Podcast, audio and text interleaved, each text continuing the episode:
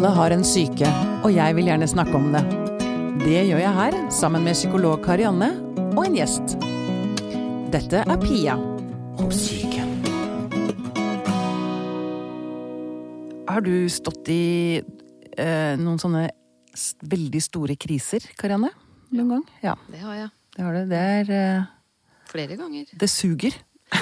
Ja, det er utrolig belastende. Ja. Og eh, det er jo belastende nok å stå med det uten at alle andre står utenfor og ser på. Men det Eh, er jo faktisk noen som opplever det også. Nettopp. Mm. Og det var et bra oppspark til gjesten vår i dag. Manuela Ramin Osmundsen, velkommen hit. Tusen takk. Eller jeg må få lov til å si hele navnet ditt. Manuela Myriam Ari Raming Osmundsen. Heldigvis bruker jeg bare en del av det. Det er vakkert, da. Ja, takk. Du um, eh, Jeg håper å si for å advare litt Du har nettopp vært eh, ganske lenge borte på Martinique. Ja. Så du er litt redd for at du kanskje begynner å snakke en del fransk her? ja. Mens vi blir bare glad for det. Ja. Litt glad. Litt glad. Ja, det var en deilig påskeferie. Ja. Ja. Mye mange sterke farger og mye følelser og mye dans og musikk og veldig, veldig fint. Ja. Du, da må jeg spørre, når du sier det, så tenker jeg da må det være litt vondt å komme tilbake til kalde, grå, regntunge Norge? Ja, Det første jeg gjør før jeg lander, faktisk, det er å ta bilde av landskapet. Fordi jeg opplever at det er rundt påsketiden at kontrastene er, så, er sterke, de sterkeste. Ja. Fordi jeg forlater en øy hvor fargene er så sterke. Mm. Altså knallgrønne og knallrosa farge på en blomst, og sjøen og luktene. Og så kommer vi hit, da. Og nå er det Vanligvis så er det egentlig grått og svart, men nå er det i tillegg snø fortsatt på bakken. Ja. Så det er en veldig, veldig stor kontrakt. Men Ah, man går fort tilbake til det, så det går eh, helt Ja. fint, egentlig. Men det slår meg hver gang. Ja. Men du, og jeg må også spørre deg om en ting til, da. For jeg, jeg har en sånn tanke om at vi nordmenn er eller det er vel ganske opplest og vedtatt at vi er ganske lukket og ikke følelseskalde, men vi stenger mye inne. Og så tenker jeg når du snakker, når jeg ser deg og hører deg snakke om Martinique, så tenker jeg å, der er det sikkert mye mer plass til å være fargerik og sterke følelsesuttrykk og sånn. Er det det? Eh, Både og. -hmm. Det er også veldig mye som eh, skjuler seg og gjemmer seg bort bak disse eh, fargene. Ah. Eh, jeg vil faktisk også si at mange martinikesene, altså fra Martinique, de liker egentlig ikke å snakke om seg selv. Eh, det, det å snakke om seg selv, det oppfattes til å være veldig privat. Eh, og jeg hadde en del samtaler med kusiner, og vi bablet gjennom eh, eh, barndomstiden, og faktisk så er det Altså, Martinique er en fullstendig del av Frankrike. Eh, 8000 km fra Frankrike, mellom Sør- og Nord-Amerika. Og for å studere så må veldig mange som ønsker å studere, ta en høyere utdanning, fly til Frankrike. Eh, slik var det med min, for mine foreldre. Og så ble jeg født eh, bodde sammen med dem i et år, og så etterpå så skulle de studere videre. Så jeg ble sendt tilbake til min bestemor og bodde med henne i et og et halvt år uten å se mine foreldre. Eh, Det opplevdes overhodet ikke som dramatisk. Altså Det var bare en del av det, og vi snakket knapt om det. Altså Vi snakket knapt om de følelsene som, som det var. Så, så mine barn Jeg oppdaget at min datter hun hadde til og med glemt at sånn var det. Så det er, og så snakket jeg med den kusinen, og hun har vært fire år borte fra sine foreldre. Og det er, ikke sant, og, og de følelsene som mødrene hadde, det var sånn, ikke noe tema, fordi de, de gjorde dette for noe som var viktigere. Og det var nettopp å ta en utdanning, ja. og de hadde det jo bra. Så det er bare et lite eksempel, men det er mange slike, faktisk. Men det Eh, kan rett og slett, disse dette fargerike som vi ser, kan like gjerne være en fasade. Det kan veldig det. Ja, det kan sant. veldig det, og det er et eget tema. Det er, ja. det er virkelig det. Men, eh, men det er klart, det er fargerikt. Det er veldig mye musikk i kirken. altså Det var påske, mye mer rytme og sånn. Det er gøy. Ja. Det, det kunne vi fått inn litt mer av i Norge, Ja, det kunne vi. Absolutt. Jeg, jeg, jeg får det, kjenner jeg. Ok, men det er jo ikke det vi skal snakke om her, egentlig. Nei. vi skal snakke om å stå i en shitstorm. Ja. For det gjorde du. Ja. For ti år siden. Ja. Ja. Og jeg har ikke tenkt å gå inn i den saken. Eh, men jeg har lyst til å høre nå, når du spoler tilbake til de dagene Det var sju dager som var liksom de mest ekstreme, ikke sant? Ja. Kan du beskrive hva du gikk gjennom der? Hvordan du hadde det når du kom hjem til deg selv, lukket døra og var alene? Ja. Um, det er faktisk vanskelig å beskrive, fordi det var en storm hvor jeg var egentlig veldig delaktig i ulike faser. Eh, vanskelig å skille dagene fra hverandre, så jeg bare prøver å beskrive en sånn følelse som er en, egentlig en, en, grøt, som er egentlig Som har noen kjennetegn, som er uh, at det er vondt. Eh, og det er også vondt å se seg selv. Det er vondt å se sine omgivelser, og det er vondt å ikke ha kontroll. Mm. I hvert fall sånn var det for meg. Og jeg er ikke psykolog, jeg har bare meg selv å, å, å bruke. Og det var uh, syv fryktelig vonde dager. Mm. Uh, det som er veldig vondt, det er å, å, uh, å, oppleve for det første det følelsesmessige, som, slår, som, som kommer veldig nær kroppen og i kroppen. Altså en sånn reaksjon som blir veldig fysisk fysisk, hvor man får forstoppelse. Eh, også eh, inntak av mat blir annerledes enn det de pleier.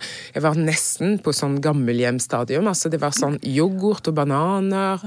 Eh, ikke noe appetittlyst. Eh, dårlig søvnkvalitet.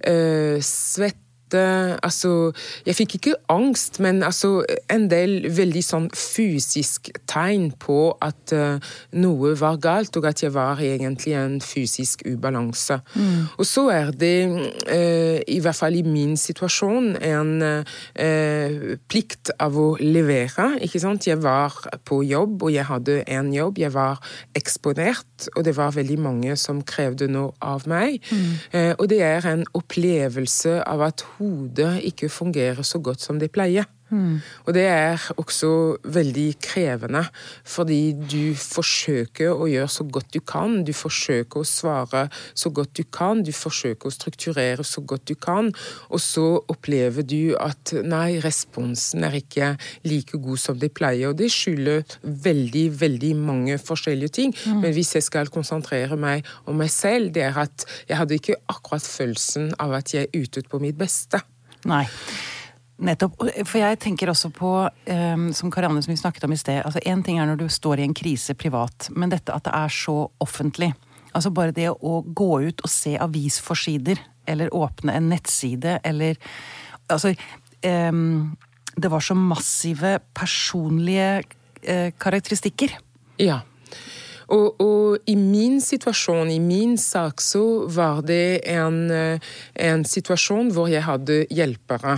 Så det var faktisk en del ting som jeg ble skånet for. F.eks. åpne avisene. Ja. Eh, fordi da jeg var da i posisjon, så hadde jeg en politisk rådgiver, en statssekretær, mm. som tok seg av den jobben. Mm. Eh, slik at jeg hadde ikke behov for å gå inn i det, men jeg, det ante meg hva som skjedde. Ikke sant? Så jeg var mest uh, aktør i kan du si, dialogen med mediene. Mm. Da jeg var i studio, da jeg var eh, og ga intervju, da var jeg aktør, da var jeg på jobb, og det var der jeg opplevde at min kapasitet, eller strategien min, eller strategien til mediene fungerte mye bedre enn min egen. Mm. Men jeg var ikke Altså, jeg opplevde den sterke belastningen om at det var kontinuerlig døgnet rundt, og jeg mm. lurte på hvorfor det var så mye media, og det var lite i mm. forhold til hvordan det er nå. Ikke sant? Vi snakker om ti år tilbake. Ja, Du mener det er enda verre nå? Altså, det, det... Å ja, det må ha vært enda verre. Mm. Og uh, nettet, sosiale medier var ikke på langt nær like høyt. Men jeg tror at jeg er faktisk den første saken som, uh, hvor VG tok et aktivt uh, grep for å faktisk stenge kommentarene som kom på nettet. Og så kom det mange siden. Men eh, det er Så, så, så sånn sett så, så, var det slik det skjedde. Så en ekstrem belastning hvor jeg var aktør i dialog med mediene, og hvor jeg fikk hjelp til å bare sortere hva, hva er det som skjedde. Mm. Men det er klart, det, det, gjorde ikke belastningen mindre, men det hjalp meg i forhold til det som, som vi skal snakke om etterpå. Hvordan bygger man seg opp, opp etterpå? Mm. Så det er klart at da, den uken, så leste jeg ikke fra perm til perm alle avisforsidene. Så tenkte jeg det skal jeg ikke starte Nei, jeg trenger ikke utsette deg for det. Etter At jeg har gått av. Ja. Nettopp. Du, da må jeg høre med deg, Karianne. Mm. Huspsykologen vår. Mm. Hva um, Det Manuela beskriver her mm det er nesten, tenker jeg, et under at man overlever det. Mm. For det er en ekstrem belastning. Mm. Hva er det som, Kan du si litt om mekanismene, mennesket, hvordan man takler det? Hva, hva ja, som altså, skjer? Ja, altså Det jeg blir opptatt av, merker jeg, det du sier, er blant annet den opplevelsen av mangel på kontroll. Mm. Eh, den tror jeg må være kanskje noe av det mest belastende i en sånn situasjon. Fordi Eh, en ting er hvis man opplever kriser for seg selv, eh, som ikke er offentlig, så kan man også oppleve mangel på kontroll. Men, men her har man veldig mange rundt som skaper veldig mye definisjoner av en. Som kanskje til og med kan, og de definisjonene som lages, kan jo kanskje gå på tvers av de verdiene man faktisk har, og, mm. og ens egen integritet. Så det må være en sånn dobbel belastning. Og vi veit jo faktisk mye da, fra psykologien om hvor eh, hvor mye psykisk uhelse det kan komme av at man mister fullstendig kontroll. Mm. Ja. Så det må ha vært veldig belastende? Absolutt. Og den verste manglende på kontroll, det er det jeg har beskrevet, men også å gradvis følge at uh, det var min integritet som ble Nettopp. angrepet. Ja. Og en opplevelse er at, i hvert fall for min egen del, det er at når man ikke har noe integritet, så er det veldig lite man har igjen. Mm. Eh, så det var egentlig den aller største belastningene. Eh, også eh, knyttet til at manglende integritet eh, spiller så nær opp mot hvem du er privat. Mm. Hvem jeg er som mor, mm. hvem jeg er som ektefelle, mm. hvem jeg er som venninne. Mm. Eh, og og, se eh, et bilde som tegner seg av en person som er totalt annerledes enn det du oppfatter du er, er veldig belastende. Ja, men er det, for det tenker jeg, dette med å um, få lyst til å forsvare seg. Altså si at ja, men det, det, som det dere sier, stemmer faktisk ikke. Altså, og kanskje en opplevelse av ikke nå frem. Eller hvordan forholdt du deg til det? Ja, um, i min situasjon så, så uh, tenker jeg at uh, jeg har ikke øh, Eller jeg har analysert meg frem til at øh, å forsvare seg mot en situasjon uten å gå inn i saken, men en enorm respekt for institusjonen, å være statsråd, en respekt for den som ansatte meg, statsministeren, mm. gjorde at jeg har ikke gått der. Jeg har, ikke, jeg har ikke, vært uh, der at jeg hadde behov for å forsvare meg. Jeg var mest opptatt av å forsøke å forsvare det jeg hadde gjort, og belyse det jeg hadde gjort på en god måte. Mm. Hvorfor jeg tok det valget som jeg tok. Og så etterpå, da saken beveget seg i en annen retning, så da gikk det ikke på saken, men det gikk mest på meg. Ja. Ikke sant? Mm. At jeg var eh, feil innvandrer. Jeg var for vellykket. Mm. Jeg hadde for fine venninner. Mm. Altså, alt ble bare snudd opp ned på hodet. Mm. Og da var det eh, Da jeg tok eh, egentlig eh, en sånn beslutning knyttet til, til min egen integritet, mm. ikke sant, eh, etterpå.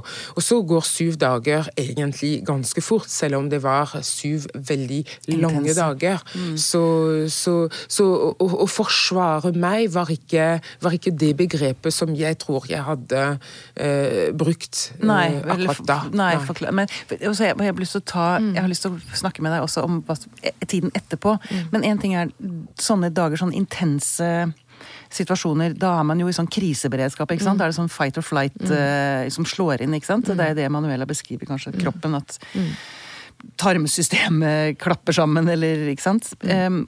Kan ikke du bare si litt om det å stå i en sånn krise, hva som skjer med hode og kropp. Ja, altså det er jo som du sier, altså man blir jo i fullstendig alarmberedskap. Det er som om det truer løver rundt hvert eneste hjørne. Man, man har de samme kroppslige reaksjonene. Eh, så, så kroppen eh, forbereder seg til eh, kamp. Eh, og da skilles alle disse stresshormonene ut i kroppen som gjør at vi skal klare å, å ta denne løven hvis den kommer. Eh, så da skylles kortisol og adrenalin ut i kroppen, og det gjør jo at blodet pumper. Eh, man får alle disse kroppslige reaksjonene. Det blir vanskelig å sove. Eh, man, man, får, man kan få svettetokter. Eh, og det er som du sier, Manuela, du sa at det er ikke angst. Og angst er jo hvis man går med en med en redsel for noe som kanskje ikke er reelt. Altså at man, man, man går med men kan, kan tilsynelatende være en irrasjonell skrekk, da. Men dette er jo en rasjonell frykt. Ja. Fordi det er faktisk noen der som er tru, oppleves truende, da. På en eller annen måte. Jeg opplevde meg definitivt angrepet. Nettopp. Ja. Så, så det er et veldig godt og interessant bilde som du tar fram, at løven er der. Så kroppen min reagerte fysisk på å ha et ønske om å beskytte seg. Nettopp. Du, snakker litt med dere om også eh, Jeg liker ikke å bruke jeg er veldig glad i ulv, å si sånn ulveflokkmentalitet, men det er, jo, det er jo det som skjer i media og kommentarfeltet. Det blir sånn ulveflokk som bare er ute etter å rive deg i stykker, liksom. Hva er den mekanismen? Hvorfor, hvorfor Hva er det som skjer der i, i media og i kommentarfeltet? Det er, sånn det er som man kan se det i andre sammenhenger også. Det, det, det, er, sånn, det er nesten så folk mister all eh, respekt, all menneskeverd. Det er sånn «Rah!» Hvorfor er vi så glad i det? En forklaring er, kan være veldig enkel, og den går på mediene, og den går på penger. At krise selges, og krise er bensin på bålet. Og ikke noe krise betyr mindre salg. Altså så brutalt kan det være. Kan det også være, hvis man sitter hjemme Nå snakker jeg om kommentarfeltene, da. Som også har blitt ganske groteske. Eh, At man selv har det vondt, og så tar man det ut på andre. Ja, for det er en sånn psykolog, for, psykologisk forklaring på det, da. Ikke sant? Det er det at eh, jeg tenker alle vi mennesker gjør feil. Vi har mangler. Eh, vi gjør ting som Vi driter oss ut. Ja, det er, det er helt vanlig, på en måte. Men så, så kan det være sånn at det er mange som har vanskeligheter med å erkjenne det, da, på en eller annen måte. At de selv gjør At feil. de selv gjør feil. altså Vanskeligheter med å erkjenne sine egne mangler, og så projiserer man, eh, som man sier i psykologien, altså man legger det litt ut hos andre, og så er det som om da konflikten er litt løst inni en selv. Ah, man løser konflikten i Ja. seg selv ved å ta Ved å legge det litt ut på andre. For, angripe for, en ting er den strukturelle forklaringa som du sier nå, Manuela, som har med hvordan mediene er lagt opp med, med klikksaker og sensasjonsorienterte saker.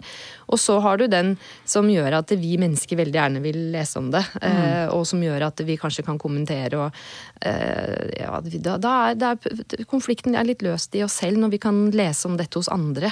Vi kan avgrense oss fra det. Det eksisterer der ute i verden, og ikke i meg selv. på en eller annen måte. Det kan være en Ja. Et begrep eller en følelse som jeg blir mer og mer opptatt av eh, nå, i nåtid, eh, det er denne sårbarheten som, ja. som, som er veldig krevende å forholde seg til. Altså, man er sårbar når man er angrepet, og jeg tror at med i hvert fall én side ved digitalisering og sosiale medier og sånn, det er at man er eh, veldig alene angrepet eh, gjennom sosiale medier.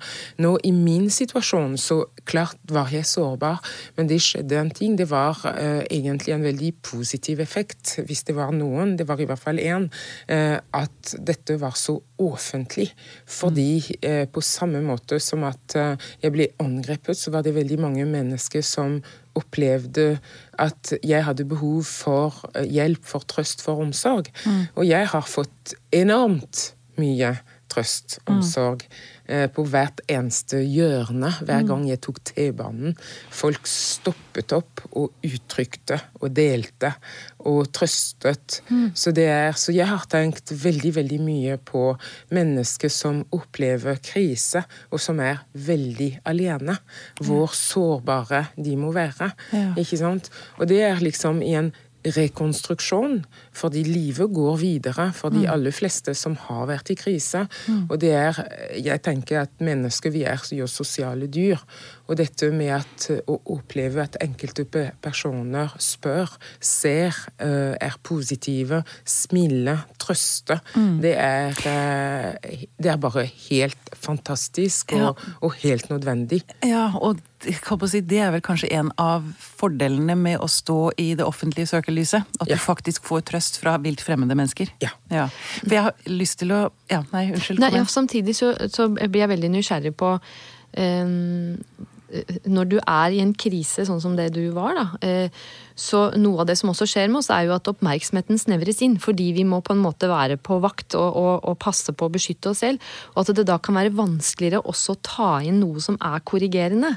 Som, som er en trøst, og som er en godhet for andre. sånn, Så så øh, hvordan klarte du det, på en måte? For det tror jeg mange kan, Kan man få litt sånn tunnelsyn, liksom? Ja. Sånn Jo, altså ehm, eh, eh, Jeg tror at det er en helhet, og det er eh, kanskje en sånn refleksjon som jeg gjør meg i ettertid. Men før vi tar den, så var det først mine egne eh, beslutninger rundt hva jeg gjør, og hva jeg ikke gjør. Mm.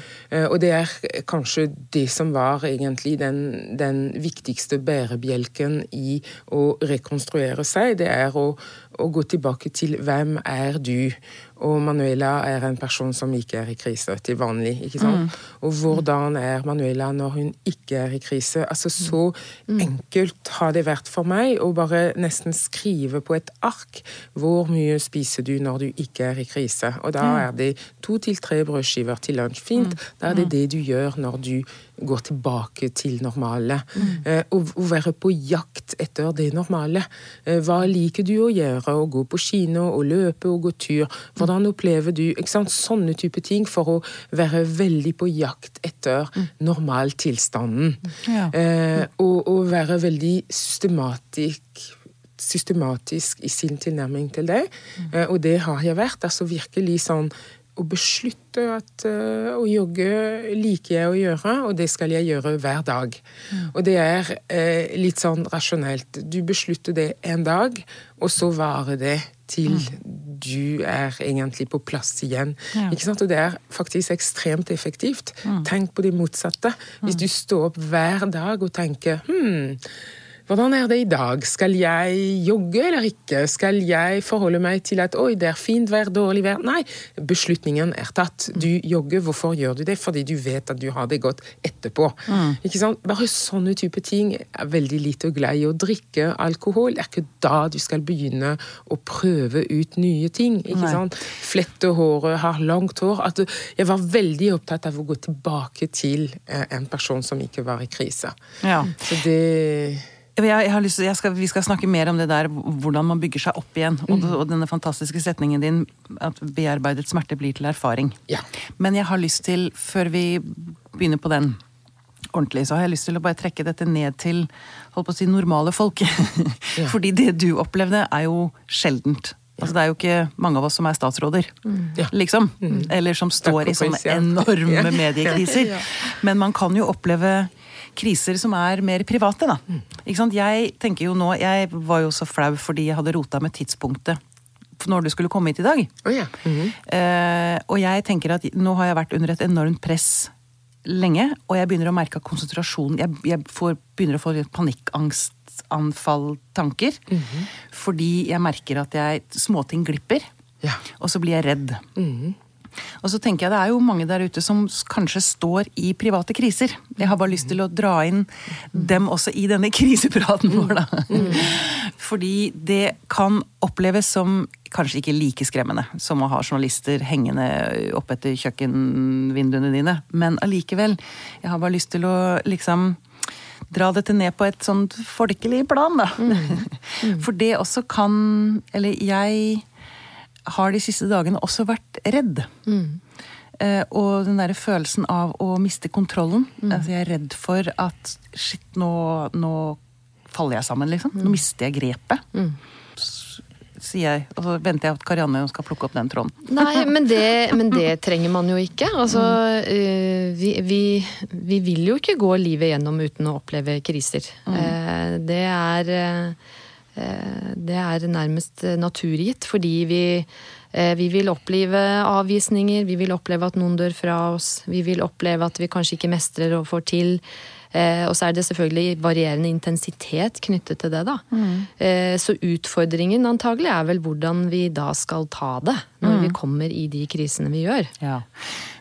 Fordi man har jo ikke lyst til Jeg har jo ikke lyst til å knekke sammen og begynne å gråte eh, på jobb, liksom. Men det Nei, kan jo skje. men det kan jo skje, og hva er så farlig med det? Nei, det er det.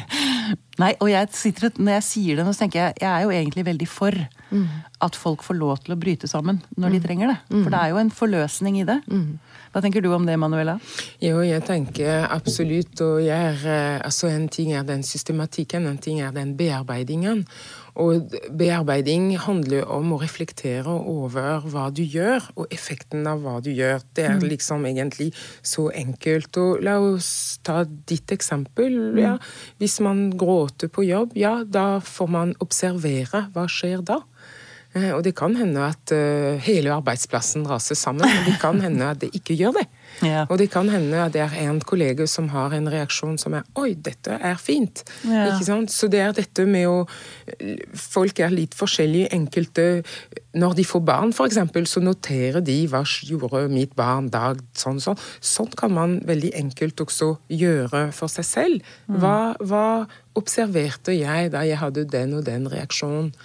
Så, Men det er veldig ikke vanskelig å gjøre når man står i krisen. jo, men bearbeiding er Og ja, altså når man står i krisen, men det, altså, det er ikke at du står inn i krisen og ut av krisen. Altså, mitt, mitt, min tanke er at du beveger deg forhåpentligvis ut av krisen. Ikke sant? Altså, du står i krisen, men du altså, Som menneske så har du en, en, en, et ønske om å overleve. Ikke sant? Du, det er ingen som har et ønske om å vasse i krise i dag ut og inn. Så jeg er sånn du er i krisen, men du forsøker å bevege deg ut av den. Og da tenker jeg at du må velge dine egne strategier, og valg og hvordan gjør man det, er veldig, veldig individuelt. Men den bearbeidingen tror jeg man kan gjøre mens man beveger seg ut. Ja, jeg, for det er det jeg er redd for, for min del. At jeg ikke har kapasiteten nå til å faktisk ta de grepene jeg burde gjøre for å komme meg ut. Mm.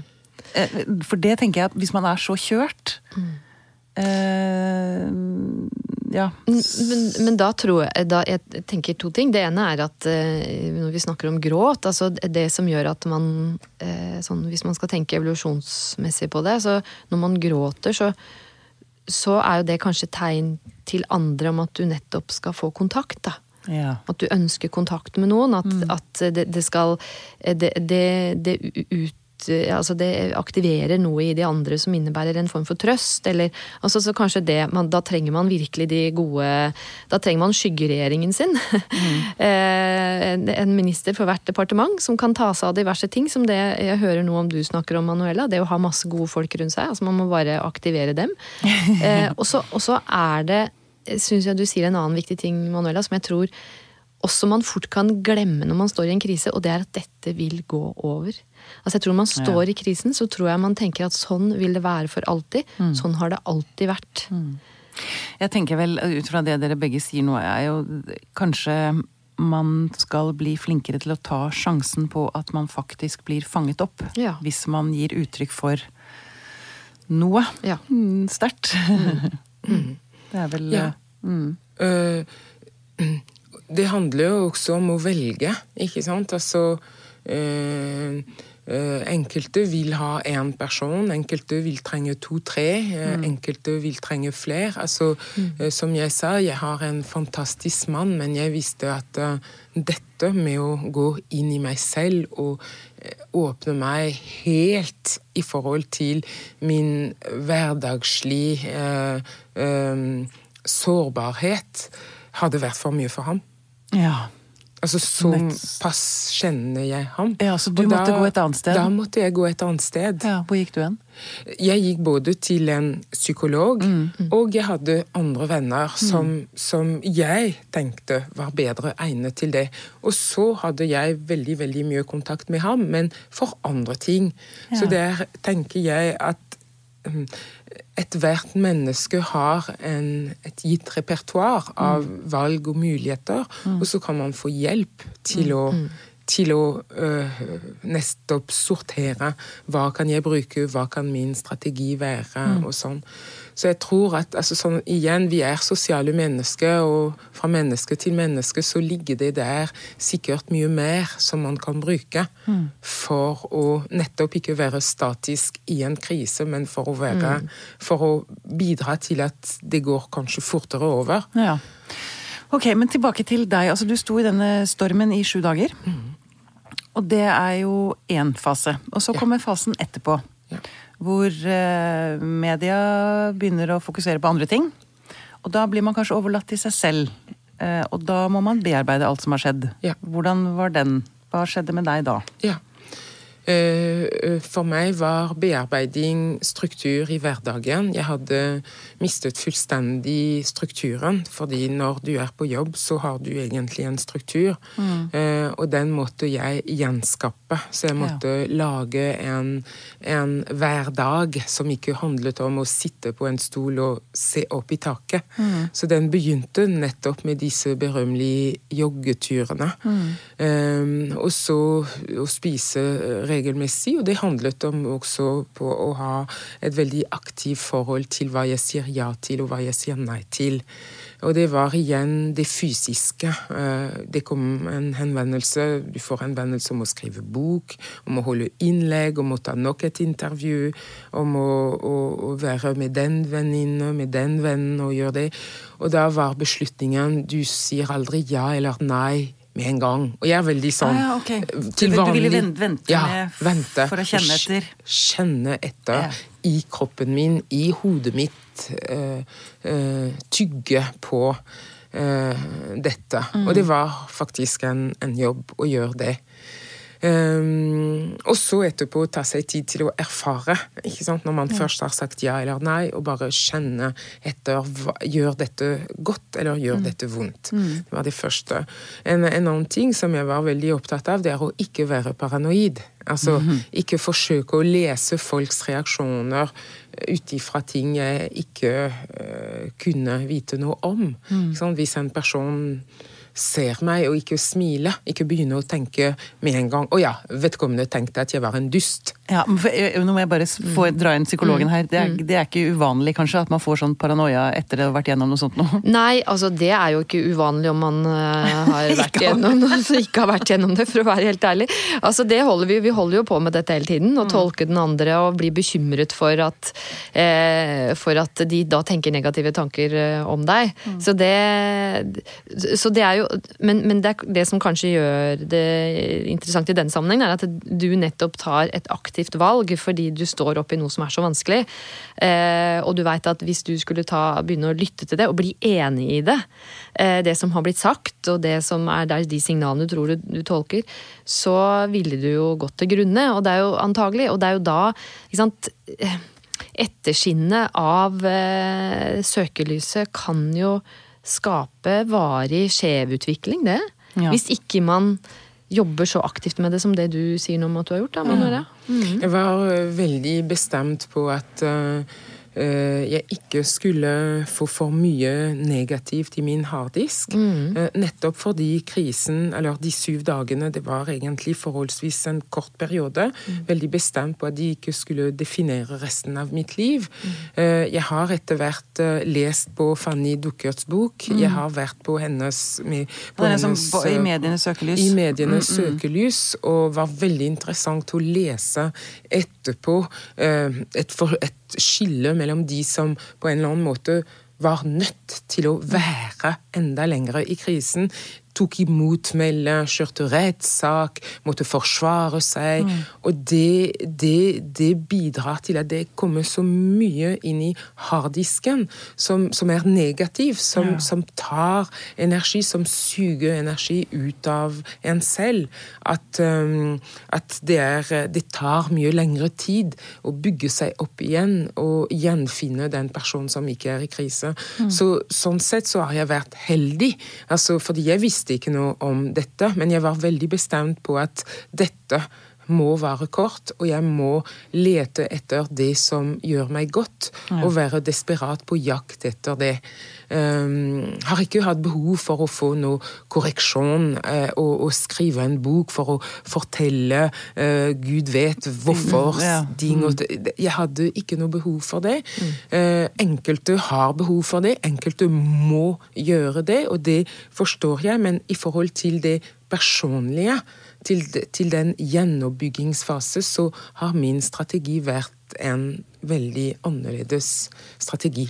Mm. Og det var nettopp at godt avleder godt, og, og, og, og, lete etter det som gjør deg godt. Gjør deg til deg. Skrive har vært også veldig viktig.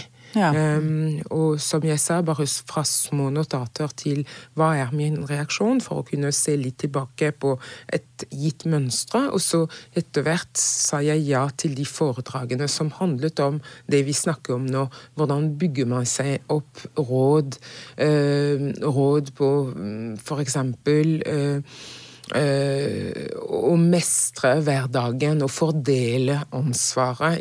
Her hadde jeg altfor mange oppgaver på meg. Mm. Altså ansvar for barn, ansvar for daglig drift i altså, departementet, ansvar for å lage mat. Altså, jeg, det jeg kunne Jeg skulle ha brukt mange flere til å hjelpe meg. Mm. Det hadde ikke vært vanskelig å si at nå er min mann bortreist. Er det noen av mine venner som kan ta et større ansvar for mine barn i en periode? Det hadde mm. ikke vært noe krise, det. Mm. Kanskje tvert imot. Mm. ikke sant? Mm. Eh, så dette med å, å, å, å eh, ja, bruke det som man tror hjelper, er veldig fint. Ja, Men eh, jeg, jeg, når jeg sitter og hører på deg, så tenker jeg at du, før du gikk inn i denne krisen eh, altså, Du er velsignet med et veldig godt grep om hvem du er. Ja. Eh, skjønner du hva jeg mener? Du, du opplever, jeg opplever deg som at du sto Du visste og vet veldig, veldig godt Altså, du er godt fundamentert, da. Og det er jo ikke alle som er det, Karianne. Mm. Eh, altså Det kan være vanskelig. Du, du hører, det høres så lett ut når du mm. sier det, og jeg tenker jeg kjenner Jeg vet ikke om jeg finner igjen den samme tryggheten i meg selv. Mm. I, i, min, I, min, base. Mm. Skjønner du hva jeg mener? Mm. Og, og hva gjør man da?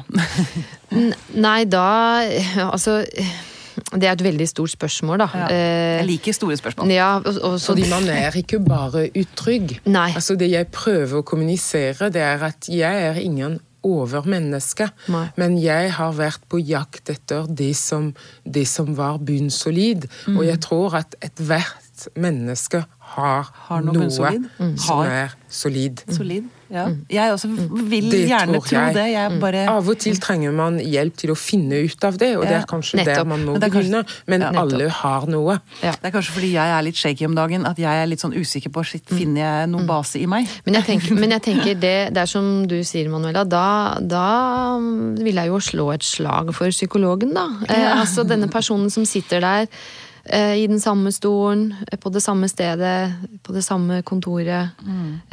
Den faste dagen i uka. Hvor man vet at disse tingene kan man komme og mm. snakke om. Mm. Og finne ut av hvem er jeg, hva føler jeg, hvilke behov har jeg. For det er klart, det det å ha vært i en krise sånn som det du har vært, da, det, det rammer jo integriteten. Men hvis man hvis man føler seg nokså definert om hvem man er, så klarer man jo selvfølgelig enklere å, å, avgrense seg fra de projeksjonene eller definisjonene som blir pålagt en. Da nei, jeg er faktisk ingen løgner. Jeg er faktisk ikke et dårlig menneske. Mm. Men det er klart, eh, det kan være litt, litt sånn eh, skrøpeligere og vanskeligere hvis man ikke helt veit og er trygg i seg sjøl at man er et godt menneske. Så mm. da må man begynne der. Ja. Men hvis man nettopp snur det opp mot oss og si at ok, da kan den krisen være den prosessen som gjør at jeg vet bedre om meg selv. Absolutt. Og da snur man det på en Ja. positiv måte og så si så gøy det må være Ja. å nettopp finne ut av det. Ja. Det skulle en krise til for å oppdage Nettopp. at det som jeg trodde var solid, faktisk ikke er det. Og dette som du sier, å slå et slag for psykologen, Mm. det vil jeg si også er viktig fordi Mm. psykologen er den profesjonelle. Og jeg vil ikke si at enhver krise må løses med en psykolog, men det er klart at Psykologen har taushetsplikten, det har ikke vennen. Mm. Psykologen er betalt for å Være der for deg. eh, være der for deg. Er ikke, du har ikke noen hemninger på hva du sier til din psykolog. Mm. Og det, det tenker jeg ikke sant? Dette er en samtale, jeg er selv ingen psykolog, men jeg, jeg tror på at hver og en av oss mennesker må finne det positive som vi kan bygge på. Ja. Vi er veldig glad for at vi har dere psykologer her. Ja. Men, og det slår meg når, når vi snakker nå, at det vi faktisk snakker om akkurat nå, det er jo det vi i psykologien vil kalle for posttraumatisk vekst. Eh, som for så vidt er et kanskje nok litt sånn diskutert og debattert begrep, da. Men det er jo nettopp det her at man kan tenke at man er i en krise, og så vokser det noe ut av den krisen. ja. Som ikke nødvendigvis var der i forkant. Det, er det, som er, det er det som ligger i begrepet. Det er litt viktig da, som når du trekker inn det du sier, Pia. ikke sant? Å, hvordan kjenner man seg egentlig? Men så tenker jeg det, det kan oppstå noe som ikke har vært der i forkant. Ja. Man kan så, finne en styrke man, Man ikke visste finne man noen hadde. ressurser eller noe som Selv om man, noen studier har selvfølgelig vist at det også henger sammen med økte symptomer på traume, da, sånn at, eller krise. Så, så det, det er et diskutert begrep, men det er en, en måte å kunne forstå nettopp de fenomenene du beskriver, da. Ja, og jeg, jeg tenker i hvert fall i den samtalen og på mitt nivå så er det utrolig viktig å tenke at eh, hvis vi fjerner bort de ekstreme ikke sant? Personer som er i konstant krise, eller som har så store uh, traumer, eller en, altså uansett, men til vanlige mennesker så har man noe som man kan bygge på, og som man kan starte med for å kunne komme seg videre. Eh, og så er for noen reisen en veldig lang reise, men for andre så er den kortere. Ja. Vi skal begynne å avrunde, men jeg har lyst til å spørre deg, Manuela, om det nå til sist er noe du kunne tenke deg å si til et menneske som hører på denne, som kanskje står i en krise, som er redd, som har mista fotfestet. Hva ville essensen av den erfaringen du sitter på? Ja, altså min erfaring er eh, dette med å eh, Det som vi snakket om, eh, tenke at dette er mulig å komme ut av. Eh, og min løsning, min tilnærming, er bare et eksempel. Eh, men eh, det fins mange, mange, mange andre eh, som kan brukes. Ja. Så dette med håp, dette med positivitet, dette med eh, å skape en bevegelse og seg selv, og at krisen er ikke noe statisk tilstand, det er kanskje det aller viktigste. Ja. Jeg kom på en setning som jeg faktisk har funnet mye trøst i opp igjennom. This too shall pass. Ja, absolutt. Jeg har en annen setning som jeg er veldig glad i. Ja. Det er forskjell mellom sår og ar. Og sår er bitterhet, og bitterhet skaper for meg enda mer bitterhet og enda mer sår. Men ar er erfaring. Det er, ar er bearbeiding av den, den situasjonen. Eh, Og ar er erfaring. Du har det med deg, men du bruker den mye mer aktivt til å komme videre i en annen situasjon. Så bra. Jeg har rett og slett Jeg personlig har fått hjelp i denne episoden. Det er jo veldig, veldig bra. Manuela Ramin Osmundsen, tusen takk for at du kom til oss. Takk for at dere spurte.